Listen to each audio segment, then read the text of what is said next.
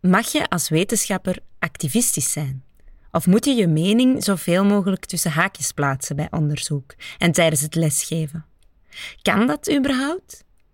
Wat maakt een goede wetenschapper en welke verantwoordelijkheid heeft die? Moet je elk standpunt evenveel aandacht geven? In deze tweedelige serie gaan we op zoek naar de relatie tussen de filosofische praktijk en activisme. Je luistert naar Kluwen.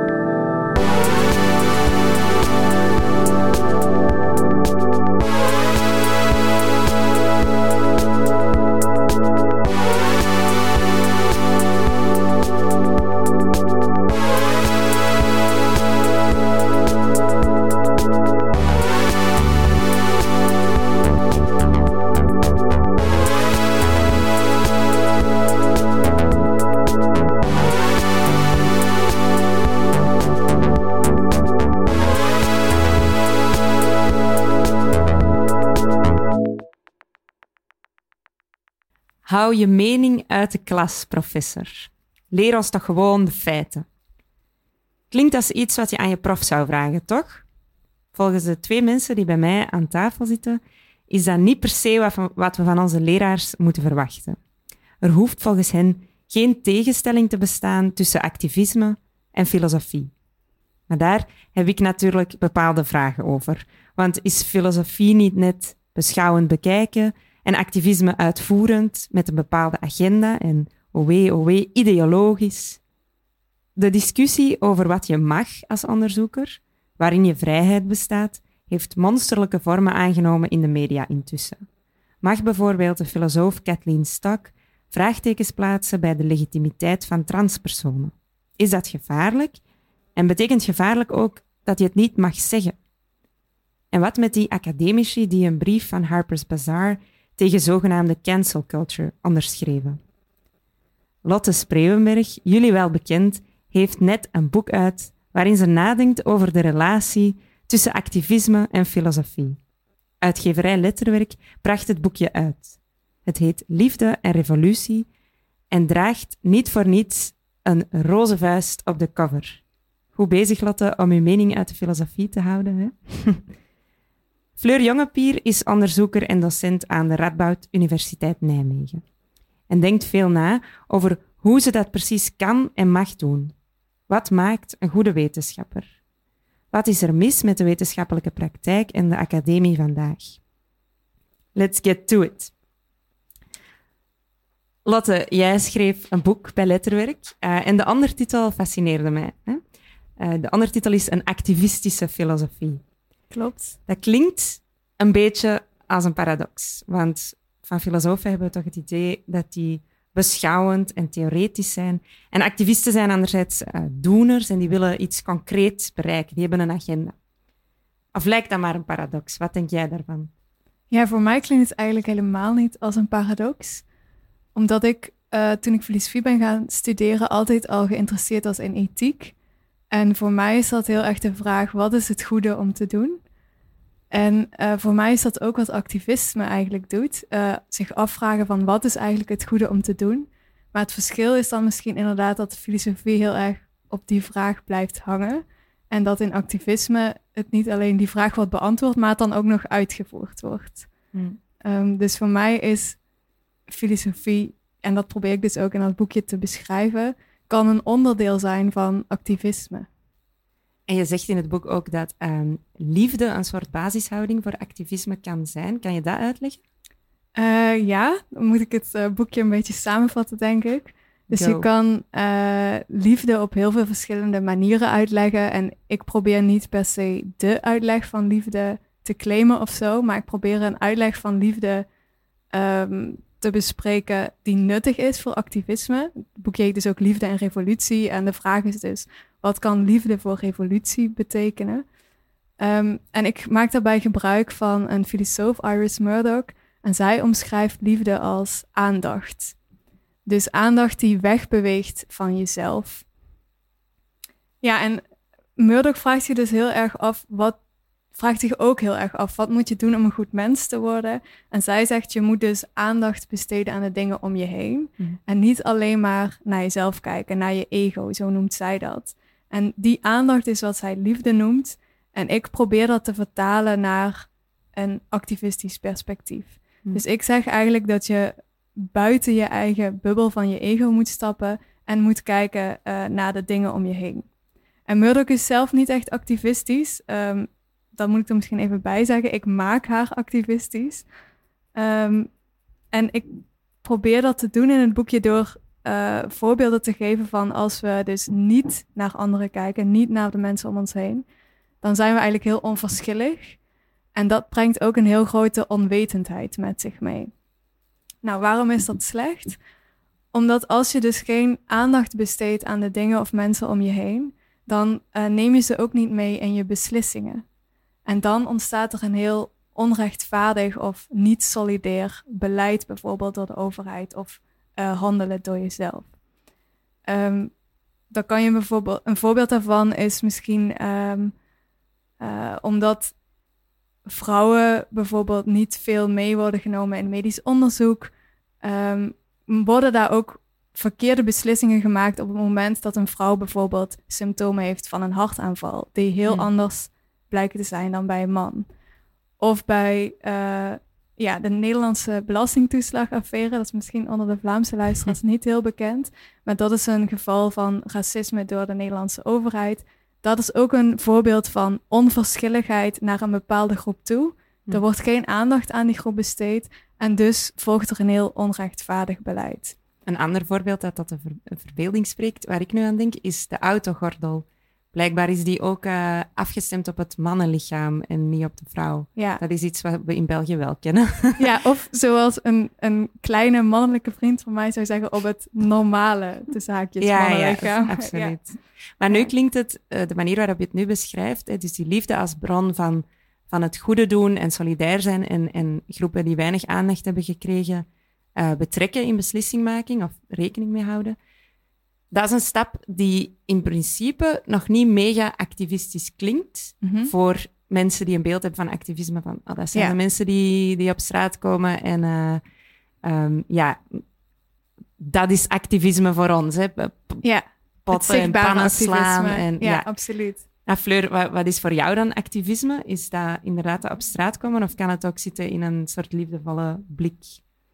Ja, dus ik denk dat activisme best een breed begrip kan zijn. Maar ik denk ook dat we het niet te ver moeten oprekken. Dus dat er. Nou, laat, zeggen, dus als je. Als ik nadenk over activisme, zou ik denken dat het uh, betekent dat je je nek uitsteekt. Of dat je bereid bent je nek uit te steken. Alleen dat kun je vervolgens op verschillende manieren doen. Dus je kunt inderdaad de straat op, maar je kunt ook je nek uitsteken door um, een blog te schrijven of een opiniestuk te schrijven of iemand in de reden te vallen of tijdens een vergadering op te staan of iets in die richting. Uh, dus ik denk niet per se dat je echt de straat op hoeft met, um, met borden en dergelijke om een activist te zijn. Er zijn ook andere manieren om je activistisch op te stellen, maar je moet wel iets doen. Hm. Dus ik denk het belangrijkste van activisme um, is dat je niet alleen bepaalde idealen hebt, maar dat je er ook echt op handelt. En in die zin ja, stellen de meeste activisten zich ook deels kwetsbaar op. Mm -hmm. En mag een onderzoeker dat doen, vind jij? Dat is een heel grote vraag. Maar mag, dus je zegt uh, rechtstaan tijdens een vergadering, dat doen onderzoekers continu. Maar mag een onderzoeker ook uh, een bepaald ideaal dat hij heeft, of een bepaalde agenda, zou je kunnen zeggen? Uh, bijvoorbeeld uh, meenemen in de manier waarop zij of hij lesgeeft? Het zal, het zal ervan afhangen wat die agenda is en wat het onderzoeksgebied of het expertisegebied van die onderzoeker is. Um, dus daarin is denk ik, laten we zeggen, filosofisch activisme uh, misschien wat anders dan andere vormen van activisme binnen de universiteit. Uh, omdat een onderdeel van de filosofie, zoals Lot al zei, is ethiek, sociaal-politieke filosofie. En dat zijn natuurlijk normatieve uh, disciplines. Hmm. Uh, tegelijkertijd, als ik me bijvoorbeeld bedenk, een wetenschapper die zich bezighoudt met klimaat.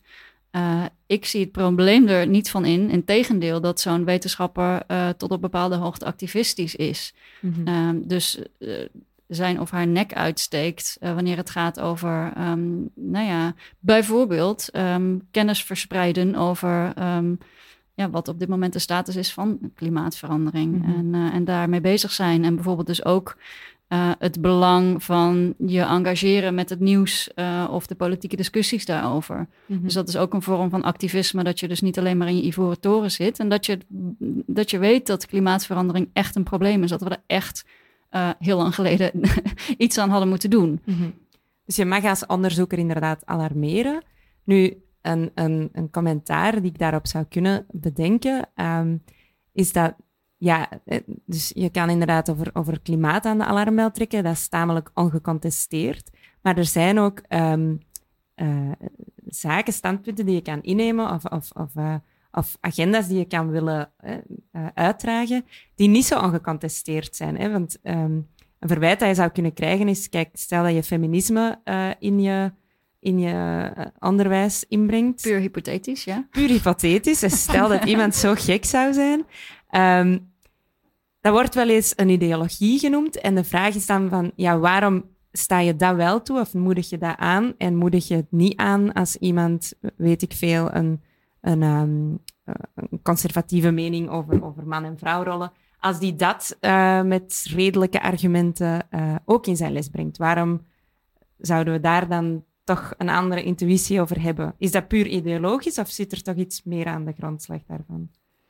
Um, nou, ik, dus ik denk wat het feit dat iets ideologisch is. Um, dus feminisme is ideologisch, inderdaad be bepaald nou ja, extreem rechtsgedachtegoed of, of zeer conservatief gedachtegoed is even goed ideologisch. Alleen dat, het feit dat iets ideologisch is, helpt ons eigenlijk nog niet met het beantwoorden van de vraag of dat binnen of buiten de hoorcolleges zou moeten, bijvoorbeeld, of binnen of buiten het leslokaal. Dus het, je moet toch in, elke, in, in elk geval kijken naar de inhoud van die ideologie. Um, dus mensenrechten zijn ook ideologisch gegrond. Ja. ja. uh, dus je moet dan toch gaan kijken, oké, okay, wat wordt hier precies gesteld? En ik, je zei het volgens mij interessant, dus mits er goede argumenten worden gegeven en dat er Mhm. serieus wordt gekeken naar die positie.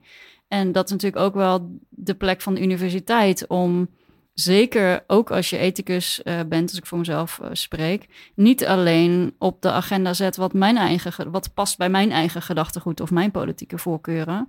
Um, maar dat je ook kritisch kunt kijken naar um, politiek gedachtegoed dat niet de mijne is. Ja, oké. Ja, maar ik, ik vind wel dat daar ook een grens aan is. Um, in de zin van, je kan niet altijd feminisme met extreemrechts gedachtegoed vergelijken. In de zin van, ja, als universiteit en gewoon ook in de grondwet hangen we een gelijkheidsbeginsel aan. En feminisme uh, althans het grootste deel van feminisme, strijdt voor een gelijke behandeling. Net zoals Black Lives Matter strijdt voor gelijke behandeling of Kick uit Zwarte Piet. En extreemrechts gedachtegoed strijdt niet altijd voor die gelijke behandeling. En ik denk dat dat benoemen ook een onderscheid kan maken in waar je die grens kan leggen, in welke ideologieën je nog moet willen bespreken ja, binnen de universiteit. Dus ik ben het er heel erg mee eens. Het feit dat iets ideologisch is, dat brengt ons eigenlijk nog, nog helemaal nee, nergens. Precies. Uh, dat is een interessante, want dat is iets waar mensen intuïtief, en waar ik ook de podcast mee begon, mensen denken, we moeten ideologieën uh, vooral buiten de wetenschap houden, want de wetenschap, en ook de filosofie die wetenschap is, die, die moet uh, neutraal zijn of moet een soort van beschouwend zijn en moet eigenlijk voorafgaan aan die meningen die er achteraf gevormd worden. Maar dat is dus, jullie zouden het daar niet mee eens zijn. Uh, nee, daar ben ik het niet mee eens. En ik denk ook dat dat heel moeilijk is. En je kan je ook dan de vraag stellen, welke wetenschapper is er helemaal vrij van een Mhm. ideologie? We zijn geen uh, onbeschreven bladen, zoals ze dat dan zeggen, Mhm. uh, die super objectieve wetenschap doen. Ik bedoel, elke keuze die je maakt in filosofisch onderzoek, maar ook in empirisch onderzoek, is een keuze. En die wordt ingegeven door jouw referentiekader. Mhm. Dus ik geloof niet dat dat überhaupt mogelijk is. Nee, en ik denk, dat, ik denk dat het inderdaad een naïef idee is dat de wetenschapper neutraal is. En dan is het eigenlijk des te schadelijker om te doen alsof we neutraal zijn. Dus dan is het Ja. veel beter om te proberen te kijken bij onszelf. En dat is echt niet altijd makkelijk. Oké, wat is wat zijn de kleuren die ik eigenlijk aan het bekennen ben in het opstellen van deze syllabus of deze cursus of wat het ook is. Uh, en bovendien is het heel leuk om daar met studenten over in gesprek te gaan. Dus laat het ook een onderwerp van gesprek zijn. Oké, Mhm. wat, uh, wat vind jij van aan, aan het eind van de cursus dat je een evaluatiemoment hebt? Nou, wat vind jij ervan dat deze auteurs erin stonden en die anderen niet? Ja. Um, dat deze onderwerpen niet aan bod zijn gekomen. Um, dus het is dan beter om ja, je, je, je kleur op tafel te leggen Mhm. en dat Op ook. uh, ja, spelen. ja. En we hadden het daarnet over redelijke argumenten. Nu zijn er ook veel filosofen die, die uh, redelijke boeken volschrijven met redelijke argumenten. Um, vind je dan ook dat we aan al die argumenten um, tijd en ruimte moeten geven, dat we daar ons mee moeten engageren? Want stel nu dat een student zegt, ja kijk, ik heb um, uh, een pamflet gelezen van uh, deze denker en die gaat in tegen wat, ik weet niet, het, het, feminisme, om bij dat voorbeeld te blijven, of een ander standpunt waar je misschien wel heel open over bent, dat dat mogelijk ook maar een standpunt is. Uh, moet je al die, die, alles wat er dan aangebracht wordt ook um, platform geven, zeg maar? Nee. Dus daar, ik ben daar echt heel duidelijk. ja, uh, nee. Waar ligt de grens dan? nou, je komt dan al heel snel bij de discussie over can, cancel culture en no platforming en dergelijke. En ik vind dat dat, dat, dat, um, dat daar een fout in zit. Namelijk het feit dat je iets niet behandelt, wil nog niet zeggen dat je iets aan het cancelen bent. Of dat je, stel dat ik kant en mail uh, niet in mijn cursus doe. Uh, ben ik hun niet per se aan het cancelen. Ik mm. ben voor andere mensen aan het kiezen. En ik ben hen alleen maar aan het cancelen als zij recht hebben om uh, in mijn cursus te zitten. En dat is precies de vraag natuurlijk. Dus wie wil je in je cursus mm. behandelen en wat wil je bespreken en wie wil je uitnodigen? Um, dus dat, dat vind ik problematisch. En het andere, denk ik, dus het, wat hier aan ten grondslag ligt, is Mill, John Stuart Mill's idee over een marktplaats van ideeën. Dus mm. zijn idee was, dat is hoe Mill vaak wordt uitgelegd, wat niet klopt, maar dat is een andere discussie, uh, is dat je eigenlijk alle ideeën en standpunten maar moet toelaten tot die marktplaats van ideeën. Uh, ook de ja, de foute of problematische of schurende ideeën. Um, ook onderdeel van academische vrijheid, die discussie. En daar, wordt, daar worden we allemaal beter van. Dus dan zijn we eigenlijk sneller bij de waarheid als we het op die manier doen.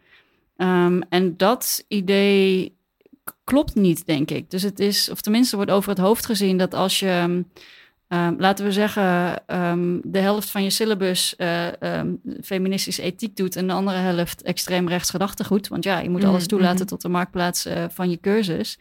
Dan ben je ook uh, bepaald gedachtegoed aan het normaliseren. Mm -hmm. Dus het is maar de vraag in hoeverre je dat de uh, ja, de, de waarheid, uh, dat je op die manier juist de waarheid helpt. En dat geldt ook voor journalistiek. Dus daar zie je ook gebeuren dat, nou, dat we maar alle onwenselijke ideeën ook een plek moeten geven in de krant. En ergens is dat waar. Uh, maar ergens is het ook naïef om te denken dat dat um, ja, de, de, het publieke debat goed doet. Mm -hmm. Ja, ik ben het daar helemaal mee eens. En dat gaat dan alleen nog maar over het doel de waarheid boven tafel krijgen of over kennis of wetenschap. Maar ik vind om daar nog aan toe te voegen dat je ook als docent, en ik mis dat vaak in um, op universiteiten, en dat is misschien omdat docenten geen pedagogische opleiding hebben gehad. Je hebt ook een verantwoordelijkheid naar je studenten mm. toe. En uh, je kan niet zomaar willekeurig um, theorie gaan bespreken die uh, sommige studenten gewoon echt uitsluit. En dat, dat mis ik ook nog een beetje in de discussie. Dus het gaat niet alleen maar mm. over de vrijheid of academische vrijheid of vrijheid van wetenschap. Het gaat ook om verantwoordelijkheid. En dat is eigenlijk precies hetzelfde als wat jij net zei. Daarmee ben je niet aan het cancelen, maar neem je gewoon de verantwoordelijkheid. Um, uh, ja, studenten kunnen zelf die theorie ook nog opzoeken of je kan een aanleiding geven, maar je moet ook de verantwoordelijkheid nemen om uh, ja, sommige mensen in bescherming te nemen, denk ik. Maar denk je dan niet um, dat, dat je daarmee ook soms studenten zou onderschatten of dat dat een kritiek kan zijn die je kan krijgen. Want ik kan me zo voorstellen dat iemand zegt, ja, ik kan wel het gedachtegoed van iemand die controversieel is geven, maar studenten zijn slim genoeg om dat te doorprikken. Zij vinden toch wel, ze zullen wel opstandig worden als ze het er niet mee eens zijn. Wat denk je daarvan? Ja, dat vind ik heel lastig, omdat um, dan dat schetst een soort van heel uh, positieve situatie van hoe vrij de universiteit of hoe vrij een klaslokaal is. En je hebt niet altijd, uh, je bent niet altijd veilig genoeg om uh, je activistisch op te stellen als student, ook niet als docent mm. overigens, of iemand anders in de universiteit. Um, en zo worden sommige uh, identiteiten of sommige meningen misschien wel weggedrukt. Mm -hmm. Als jij inderdaad dat normaliseert, dat gedachtegoed in je klaslokaal, um, dan, ja, dan durft misschien ook niemand daar tegen in opstand te komen. Mm -hmm. Ja, en misschien, ik val een beetje uit mijn rol als interviewer, maar ik kan me ook voorstellen dat studenten komen eigenlijk vrij jong toe aan de universiteit. En, en jong en kritisch, maar anderzijds ook super vormbaar nog. En misschien heeft de docent daar ook wel een heel grote invloed op, zou ik kunnen denken. Uh, met wat die aandraagt aan als dit is de moeite om te bestuderen. Ja, precies. En daarom denk ik dat uh, het heel goed is om een heel grote diversiteit aan stemmen in die marktplaats aan te brengen, inderdaad. Maar wel met de kanttekening dat dat op een verantwoorde manier gebeurt. En dat wil mhm. dus niet zeggen dat je, ze, dat je dingen niet mag bespreken, maar wel mhm. op een manier die verantwoord is. Ja. Ik wil een, concrete casus ook even aanhalen, die, die mensen die in de academie uh, werken of actief zijn waarschijnlijk kennen, maar de gemiddelde kluweluisteraar misschien niet. Um, en dat is het geval van Kathleen Stock, uh, een Amerikaanse professor, geloof ik, die um, uh, ja, papers heeft gepubliceerd waarin ze eigenlijk de legitimiteit van transpersonen um, bekritiseert of bevraagt in ieder geval. En dat is een heel groot debat geweest uh, binnen academia, omdat er dus stemmen opgingen die zeiden, dat kan je niet maken, dat mag je niet doen, je brengt inderdaad die veiligheid in gevaar. En de andere kant van het debat zei, ja, maar ik heb wel argumentatie. Um, is, mag ik het niet zeggen omdat het gevaarlijk is? En dat is iets wat je vaak hoort, hè, van het, is, mag ik niet alles wat waar is of alles wat, wat, wat volgens haar of, of volgens de persoon in kwestie op redelijke argumenten is gebaseerd. Als dat een mogelijk gevaarlijk gevolg heeft, betekent dat dan dat je het niet mag zeggen?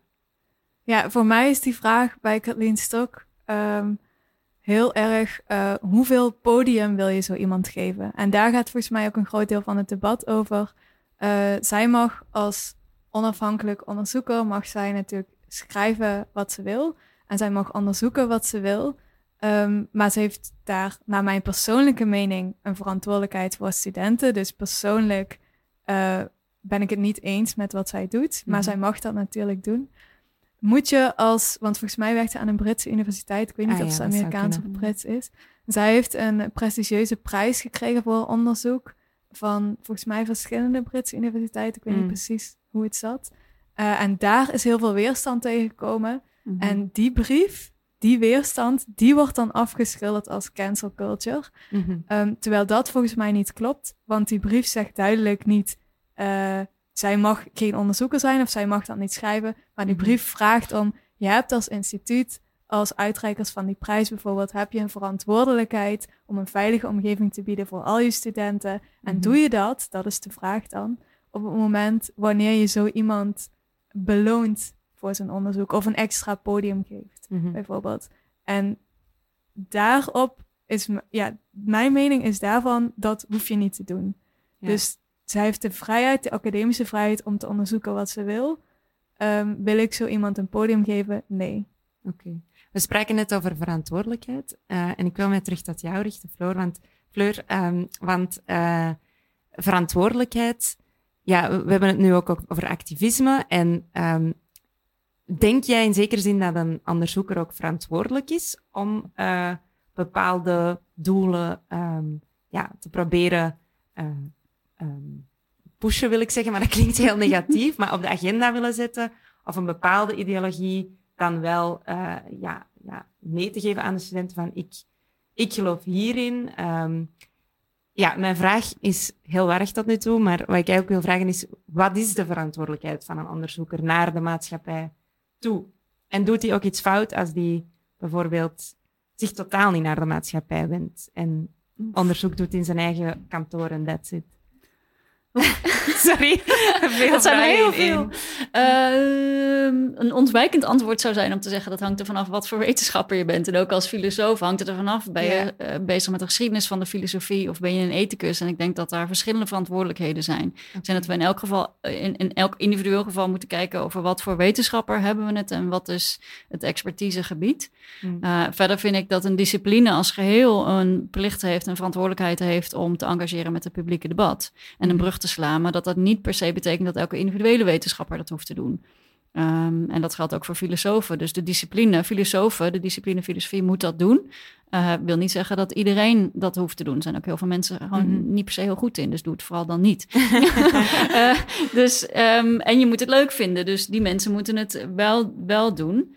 En op de vraag of ik eigenlijk zelf echt een agenda heb en studenten tot een specifiek inzicht wil brengen, Ehm, dat denk ik eigenlijk niet. Dus ik denk echt dat hmm. mijn. Ik, ik, ik bedoel, daar moet ik ook bescheiden zijn. Omdat het moeilijk is om voor jezelf in te schatten hoe je als mhm, docent. Mhm. wat je denkt dat je doet en wat je eigenlijk doet. Maar dat mijn eigen doel wel echt is om bepaalde thema's op de agenda te zetten. Bespreek het maar. En mm laat er ook een bepaalde spanning of soms ook een bepaald ongemak ontstaan.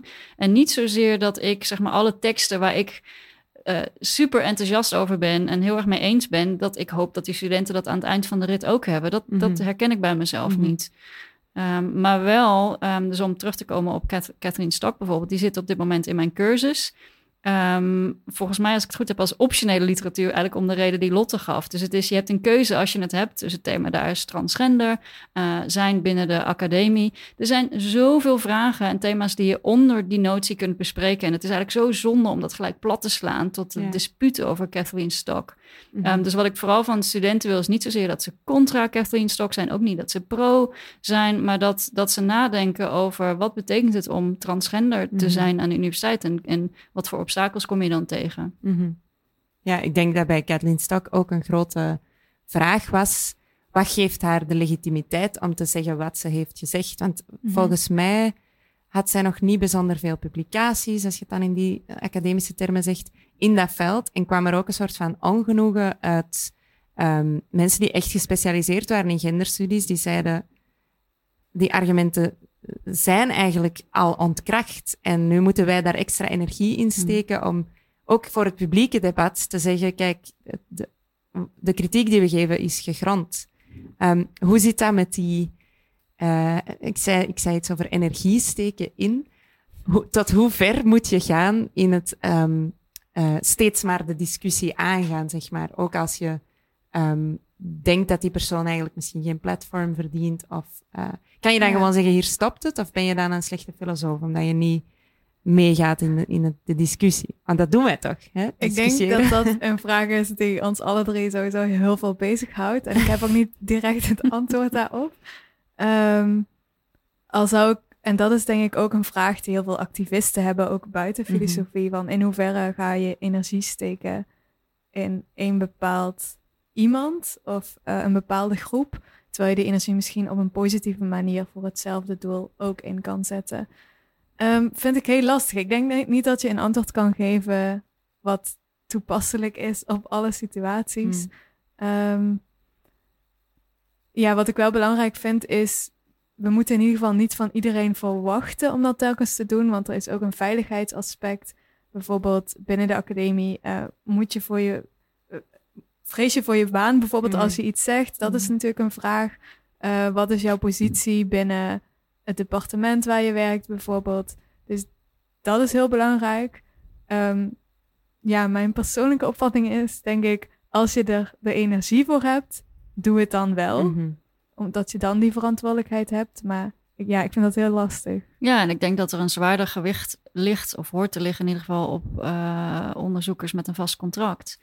Um, Dus ik denk dat. Wat bedoel je met dat gewicht? Van de, de last van om, activisme? Om je nek uit te steken. Ja, uh, dus ik denk dat mensen met een tijdelijk dienstverband um, zitten nu eenmaal in een kwetsbaardere positie. En toch zie je keer op keer op allerlei faculteiten in Nederland van de verhalen die mij bekend zijn um, wordt het, het, de, de meeste vragen worden aangekaart, als ik het even hmm. netjes formuleer, van onderop. En meestal ook nog eens met mensen met een tijdelijk dienstverband. En daar word ik soms wel een beetje verdrietig, CQ boos van. Zo hoort het niet te zijn. Alleen je ziet wel toch vaak hoe hoger op je gaat, hoe uh, belangrijker het ook voor, voor die mensen en de mensen met wie zij praten is om um, ja, beheerst en niet hmm. al te fel, niet al te kritisch je hmm. te uiten. En Um, dus ik, ik leer zelf steeds het meest van gesprekken met studenten.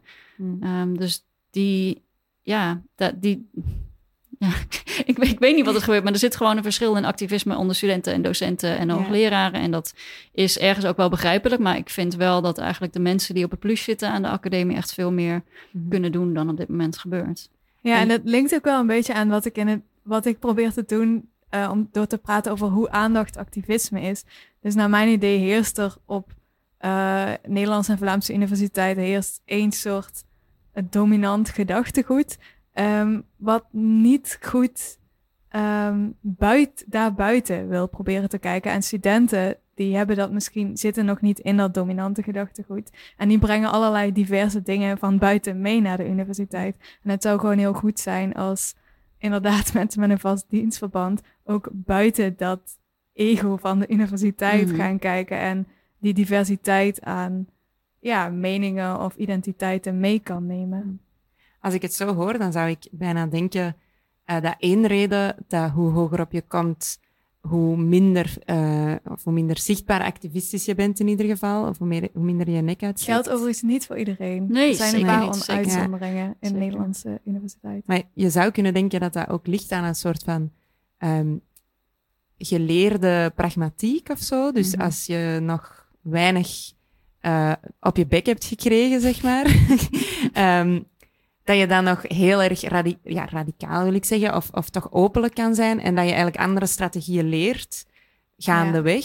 Ehm, en dat is een afweging dat ook, dat ik- die ik ook veel activisten wel zie maken. De, de soort van afweging tussen heel ehm, doorgedreven en gewoon, gewoon zonder compromissen iets stellen of voor iets pleiten, eh, versus water bij de wijn doen Mhm. en, en Ja. op die manier soms meer verkrijgen. Ja. Ehm, ik weet niet hoe jullie met die vraag omgaan, misschien Fleur als, als, als ehm, docent nu.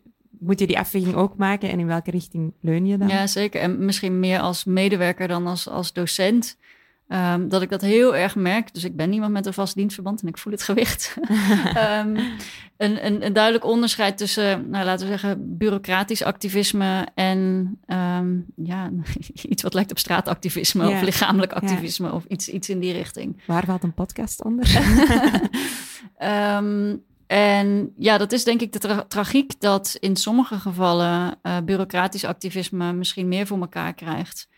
Ehm, maar ik betwijfel het ergens ook. Want als je bijvoorbeeld ook kijkt naar de studentenprotesten in Groningen over het woningtekort.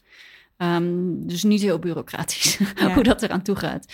Ehm, en dat hoort ook zo te zijn. Dus ik denk dat het voor activisme belangrijk is dat er een rol, dat er een plek is voor emoties en dat er ook een plek is en dat we allemaal wat meer begripvol zijn ook voor het feit dat activisme voortkomt uit bepaalde misstanden vaak, dat je, e- dat je echt dat verandering noodzakelijk is.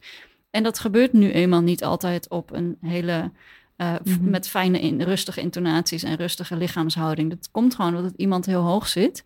Ehm, Maar dan krijg je soms wel te horen dat het averechts zou werken. ja, Ja, Want je bent ik echt boos. ik ben daar helemaal bullshit. klaar mee. Ja, ook totale bullshit. Oei, ik En heb ook- eh, een blikje opengetrokken hier. Ja, want als je zeg maar, eh, als je kijkt naar activisme in het verleden of zo, of dingen die we nu heel normaal vinden, maar waar wel heel veel activisme voor nodig was, bijvoorbeeld vrouwenstemrecht, dat kregen vrouwen echt niet omdat ze op bestuursniveau dat hebben gevraagd en netjes hebben Mhm. gekregen. Dat is er alleen gekomen door keihard activisme. Ja. Dat Zwarte Piet nu daarover de Nederlandse publieke opinie eh, daarover compleet gekanteld is, is ook niet in eh, bestuursorganen besloten. Dat Mhm. komt ook door al tien jaar keihard activisme. Mhm. En ik denk dus dat je die. ehm, je, de vraag is niet: is het een beter dan het ander? Maar de vraag is: hoe kunnen die samenwerken, denk ik. Mhm. Mhm. En ik denk dat. eh, om dat op bestuursniveau een beetje water bij de wijn te kunnen doen, daarvoor is heel veel Ja. activisme ook nodig. Mhm. Dus je hebt een diversiteit aan tactieken nodig, denk ik. Ehm, en dat is op universiteiten precies hetzelfde, denk ik. Mhm. Ja. Maar dan moet je inderdaad ook nog wel mensen in dat bestuur hebben, zeg maar, die zelf ook durven activistisch te zijn of hun nek uitsteken. Want Ja. En daarvoor helpt het denk ik als je een bepaald Ja. activistisch mandaat hebt. Dus als er een, een geëmotioneerde groep is die dat expliciet aandurft eh, Ja. te kaarten, dan geeft dat, dat helpt dat heel erg de mensen die. Ja, eh moeten ben er heel, wel heel erg mee eens met Lotte. Dus je hebt het echt allebei nodig. Eh, het een kan ook niet zonder het ander. Maar het een, ja, je, je merkt dus dat als er, als er boze stu- studenten, boze docenten zijn, dan ja, helpt dat wel om, Mhm. om dingen aan de kaak te stellen op hoger niveau. Ja, en het helpt misschien ook wel eh, de realisatie van dat het allebei nodig is, helpt misschien ook wel meer mensen om activistisch te worden. Kijk, ehm, ik vind het niet erg om de straat op te gaan, ondanks mijn tijdelijke dienstverband. maar eh, niet iedereen heeft dat hetzelfde en dat eh, snap ik ook heel Ja. goed. Maar je kan misschien dan wel bedenken, wat kan ik bijdragen op mijn manier? Ja. En zo is er voor iedereen denk ik wel een activistische rol weggelegd. Maar ik vraag me ook wel eens af, als ik ook kijk naar de, de, wie, er, wie er aan de universiteit blijft. En, Ja. Dus als ik kijk naar de acti- activisten die zeer nadrukkelijk hun nek uitsteken, ehm, die energie is niet eindig. Dus misschien kan ik het beter persoonlijk maken. Ik ben, er, ik ben een beetje op. Ik ben er een beetje klaar mee. Dus ik merk, dus, dus er zijn bepaalde thema's aan de universiteit die mij heel erg aan het hart gaan, waar ik me hard voor heb ingezet. Ehm, maar de verandering, dus als je verandering wil, is de universiteit gewoon echt niet de plek waar je wilt zijn als Mhm. ethicus. Uh, dus ik ben inmiddels, ik weet niet of de fase is, ik, ik vrees een beetje van niet, maar ik ben heel cynisch geworden over de meerwaarde van niet-bureaucratisch activisme. En, het, en, en, en ook heel ontgoocheld over hoe werkt activisme dan überhaupt? Inderdaad, als je dan terugdenkt naar vrouwenrechten, maar hoe ging het dan? Mhm. Dat was daar natuurlijk, gebeurde dat ook, dat heel Mhm. veel nou ja, uh, mentale en fysieke energie besteed werd aan iets wat, waar, waar die vrouwen de vruchten niet van hebben geplukt. Dus dat is, Ja. ik denk eigenlijk dus bijna tra tragisch, maar dat de beste activisten niet de, ergens tussen de bureaucratische activisten en de, en de activisten die, die zich met heel veel energie daarvoor inspannen, omdat je gewoon op bent op den duur. Ja, dat is wel grappig, want ik beleef dat een beetje anders. Als in, ik ben ook op en ik begin ook een beetje cynisch te worden. Ik ben Maar- ook zo jong, Lotte. ja, ik ben toch wel Don't leave us now. Maar- Maakt niet uit. Ehm, ja, ik heb juist het idee dat er eh, veel activisme op de grond is, maar niet genoeg. Maar ik loop juist tegen de lamp aan dat er mensen op bestuursniveau totaal niet willen luisteren. Mhm. Ehm, Ja. En dat dat een beetje stuk loopt. Mm. Op verschillende gebieden overigens hoor. Ehm, dus in mijn ervaring ga ik een beetje op omdat dat activisme op de grond er juist heel erg is. Maar ehm, ja, dat blijft een Mm. kloof tussen wie, de, eh, wie de beslissingen neemt Ja. en Ja. wie het echte werk op de grond doet. Maar is, zou een deel van het, het niet gehoord worden ehm, ook niet kunnen liggen aan het feit dat mensen denken dat het activisme waar jullie voor staan of waar men voor staat al niet meer nodig is? En dat je bijvoorbeeld zou kunnen zeggen, ah, maar die vrouwenrechten, natuurlijk geen dispuut, dat was nodig. Dus dat is logisch dat dat Ik denk het eigenlijk niet. Dus als ik ook, be- misschien moeten we hier ook wat meer voorbeelden noemen waar het over gaat. Dus één voorbeeld is sociale veiligheid aan de universiteit. De andere is om je, je cursus diverser te maken. Dat er niet alleen maar, alleen maar witte mannen in staan. En heel veel mensen zijn het daarover eens. Dus vandaar ook het onderscheid, de mensen die de idealen hebben en de activisten. Ehm, eh, wat ik het meeste tegenkom en wat ik ergens ook wel begrijp is, het gaat, zo, het gaat niet zo snel als dat jij wil dat het gaat. Ja. Ehm, Dus het is ja, of geen wat je ook heel probleem. vaak hoort is, de mensen die er nu zitten, die moeten gewoon met pensioen. En dan komt dat, alles en goed. dat is, dat is dus niet waar. Dus dat, dat, de- ik Ja. heb het zelfs wel eens van, nou, het is gewoon een generatieprobleem. Maar de, de mensen die echt verandering willen aan de universiteit, die vertrekken. Ik heb echt, Ja. ik- daar kan ik niet eens over praten. Dat, daar word ik gewoon te emotioneel. Ja. Dus dat zijn de mensen die vertrekken. De mensen die overblijven, er is een nieuwe generatie. Dat zijn de mensen met, die zich op een of andere manier heel erg gaan lijken op de, op de generatie die is vertrokken. Dus die, Mm. die, die laag aan de universiteit, die, her, ja, hoe zeg je dat? Die maakt zichzelf steeds opnieuw. Ja. Dus dat, die blijft. Hm. Maar dit is dus niet per se een, een, een inhoudelijke clash van verschillende idealen. Het is dan eerder een clash van eh, daar wel naar handelen en, en bepaalde dingen willen veranderen. Er zijn wel Of- clashes natuurlijk. Dus, Ja. dus je hebt, eh, je hebt eh, discussies over... nee, je moet je syllabus maken op basis van de inhoud... en niet op basis van huidskleur. Ja, want Eh, ik denk dat die discussie ook nog super levend is. Ja, precies. Maar er zijn, er zijn ook als je het eens bent over de idealen, nou zou het mooi zijn als ons curriculum iets gekleurder is, bijvoorbeeld. Dan nog heb je vaak, ehm, zit het hem vaak in het, ja, in het meer tijd geven, rustiger aandoen Hmm. en ja, iets Ja. in die richting.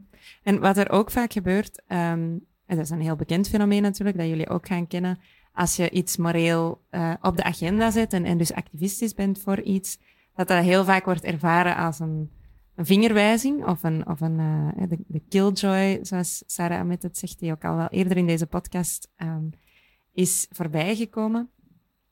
Ja, en dat, dat hoor je vandaag des te meer met, met het feit dat, dat iedereen die ook maar iets van sociale rechtvaardigheid aankaart, eh woke wordt genoemd. Ehm, mijn vraag is, ja, wat zeggen jullie daarop? Is dat zo? Wordt, zijn, zijn we niet ik te daarop zeg als woke wordt genoemd? Of ja, een of, misschien niet woke, want woke is een heel ja, woord waar zoveel connotaties aan hangen. Maar als iemand zegt van, waarom kom jij ons met de vingers wijzen? Wat de morele superioriteit draag jij uit? hebben ze dan gelijk of ongelijk? Ehm, Of wat zeg je daarop? Hoe zorg je dat je niet hoogdravend bent over jouw idealen? wat ik daarop zeg is heel moeilijk, want zo'n gesprekken zijn vaak te verhit of te persoonlijk om eh, daar nog op een fatsoenlijke manier uit te komen. Eh, maar ik vind dat gewoon een heel individualistische voorstelling van wat er gebeurt. Terwijl je juist vraagt om een systeemverandering. En als ik zeg dat ik meer eh, niet-witte auteurs wil in de opleiding en dat ik eh, meer aandacht daarvoor wil, of, dat, of stel ik stel überhaupt die vraag van, zou dat niet iets zijn wat we moeten doen? En iemand vindt dan dat ik hem of haar eh, racist noem bijvoorbeeld. Ja, dat is een totale misvoorstelling van wat daar gebeurt. Ik vraag om een systeemverandering en ik geef niet een individu de schuld of zo. Dus ik Hm. denk dat daar, ja, dat daar een misvatting zit van wat je eigenlijk vraagt. Hm. Deel je die intuïtie? Ja, dus ik heb minder te maken, geloof ik. Maar goed, dat hoor je niet allemaal. over dat, dat mijn houding ehm, eentje is van morele superioriteit. Het gaat vaak, vaker over waar we het net kort over hadden gehad. Over de manier waarop je dingen aankaart. Of waarop Hmm. je je opstelt. En Doe het niet zo. emotioneel. ja, dus het is eh, Ja, vooral dat tone herken ik policing. wel. En, en dat is heel frustrerend, want dan gaat het altijd over hoe je het doet. En dan heb je het nog steeds niet over wat ik probeer te zeggen. Hmm. Ehm, en dat is ook een makkelijke manier om die dingen alsnog niet op de agenda te zetten. mhm. Ja, en dat zie je natuurlijk ook buiten de universiteit. Ik bedoel, Sylvana Simons, je mag het met haar inhoudelijk eens zijn of niet, maar zij wordt continu alleen maar aangesproken op Hm. hoe zij iets vertelt in de Tweede Kamer en niet op wat ze eigenlijk vertelt. Dus ehm, afsluitend, want we zijn hier al veel te lang over bezig, ook al voelt het alsof we nog maar net zijn begonnen. Ehm, is er een boodschap die je wilt meegeven aan, aan je mag eigenlijk kiezen aan wie? Aan docenten, aan studenten, eh, over activisme. Wat wil je eigenlijk dat mensen meenemen uit ons gesprek hier, dat alle richtingen uitging? Lotte eerst. Nou ja, mijn boodschap ook in het boekje is: ehm, ik wil iedereen vragen om buiten de bubbel van je eigen ego te kijken. En dat heeft ook te maken met wat Fleur straks zei over dat je bewust wordt van wat jouw referentiekader eigenlijk is en waarom jij de opvattingen hebt die je hebt. En eh, gewoon te mixen en kijken naar buiten van wat is er allemaal nog meer. En dat op een open manier te doen. En ehm, dat is dan de voorzet voor activisme. Dus dat is nog niet het Hmm. activisme, het de straat op gaan op zich. Maar ik denk dat die dat ehm, strijden tegen die onverschilligheid en die onwetendheid, dat dat echt de eerste stap is in Hmm. ja, een betere wereld. Oh, dat is mooi. Fleur, welke eh, idealistische boodschappen wil jij hier... eh, Oei, nu heb je een andere vraag, want net vroeg je welke boodschap en nu moet Ah ja, nee, ik bedoel, ik bedoel omdat Lotte al zei van een betere wereld. Ja, dus Ik wilde ik heel melig doen. nee, dus ik heb een niet-idealistische boodschap, denk ik. Ehm, dus ik denk dat als je echt verandering wilt over sociale problemen ehm, waar we ons mee geconfronteerd zien, dat studenten zich, en vooral de goede studenten, die denken: oké, als ik goed ben, dan wil ik dus een master gaan doen, dan wil ik promoveren, wil ik verder. Dat als je verandering wil, is dat je, als je deels of zeer activistisch gemotiveerd bent, dat je heel goed moet nadenken of je wel aan de universiteit wilt blijven. Dus dat is Of de universiteit moet, Precies, moet dus het, dus mijn echte ideaal is is. misschien... oké, de universiteit moet een plek zijn... waar mensen die met emoties over dingen die in Mm. de wereld beter moeten... eh, moet daar een plek voor zijn. Wat ik zie is dat dat niet echt zo is. Ehm, Mm. Dus dat betekent ook dat als je ergens goed in bent... en als je gedreven bent en je wil die passie volhouden... moet je erover nadenken of je dat eh, aan de universiteit wilt doen. Oké, shit. Existentiële crisis. nee, dankjewel voor het luisteren en jullie voor het, voor het praten. Ehm, ik zou zeggen, eh, Lotte, uw boek is te koop eh, in de Betere Boekhandel vanaf half oktober. Ja, klopt. Dus eh, go and buy it. Joepie. En spot Lotte op haar eh, boektour door de Lage Landen. en Fleur, eh, voor jou ehm, veel succes nog in, in whatever je nog gaat best doen. doen. En in het activisme. En, eh, Dit was Kluwe. Bedankt aan onze gasten Lotte Spreeuwenberg en Fleur Jongepier. Dit was deel 1 van een tweedelige serie over activisme en filosofie. In de volgende aflevering gaan we het gesprek aan met vier kunstenaars en filosofen. We gaan verder in op de vraag of een goede wetenschapper of bij uitbreiding kunstenaar ook neutraal moet zijn. En we bespreken wat het in de praktijk betekent om activistisch te zijn.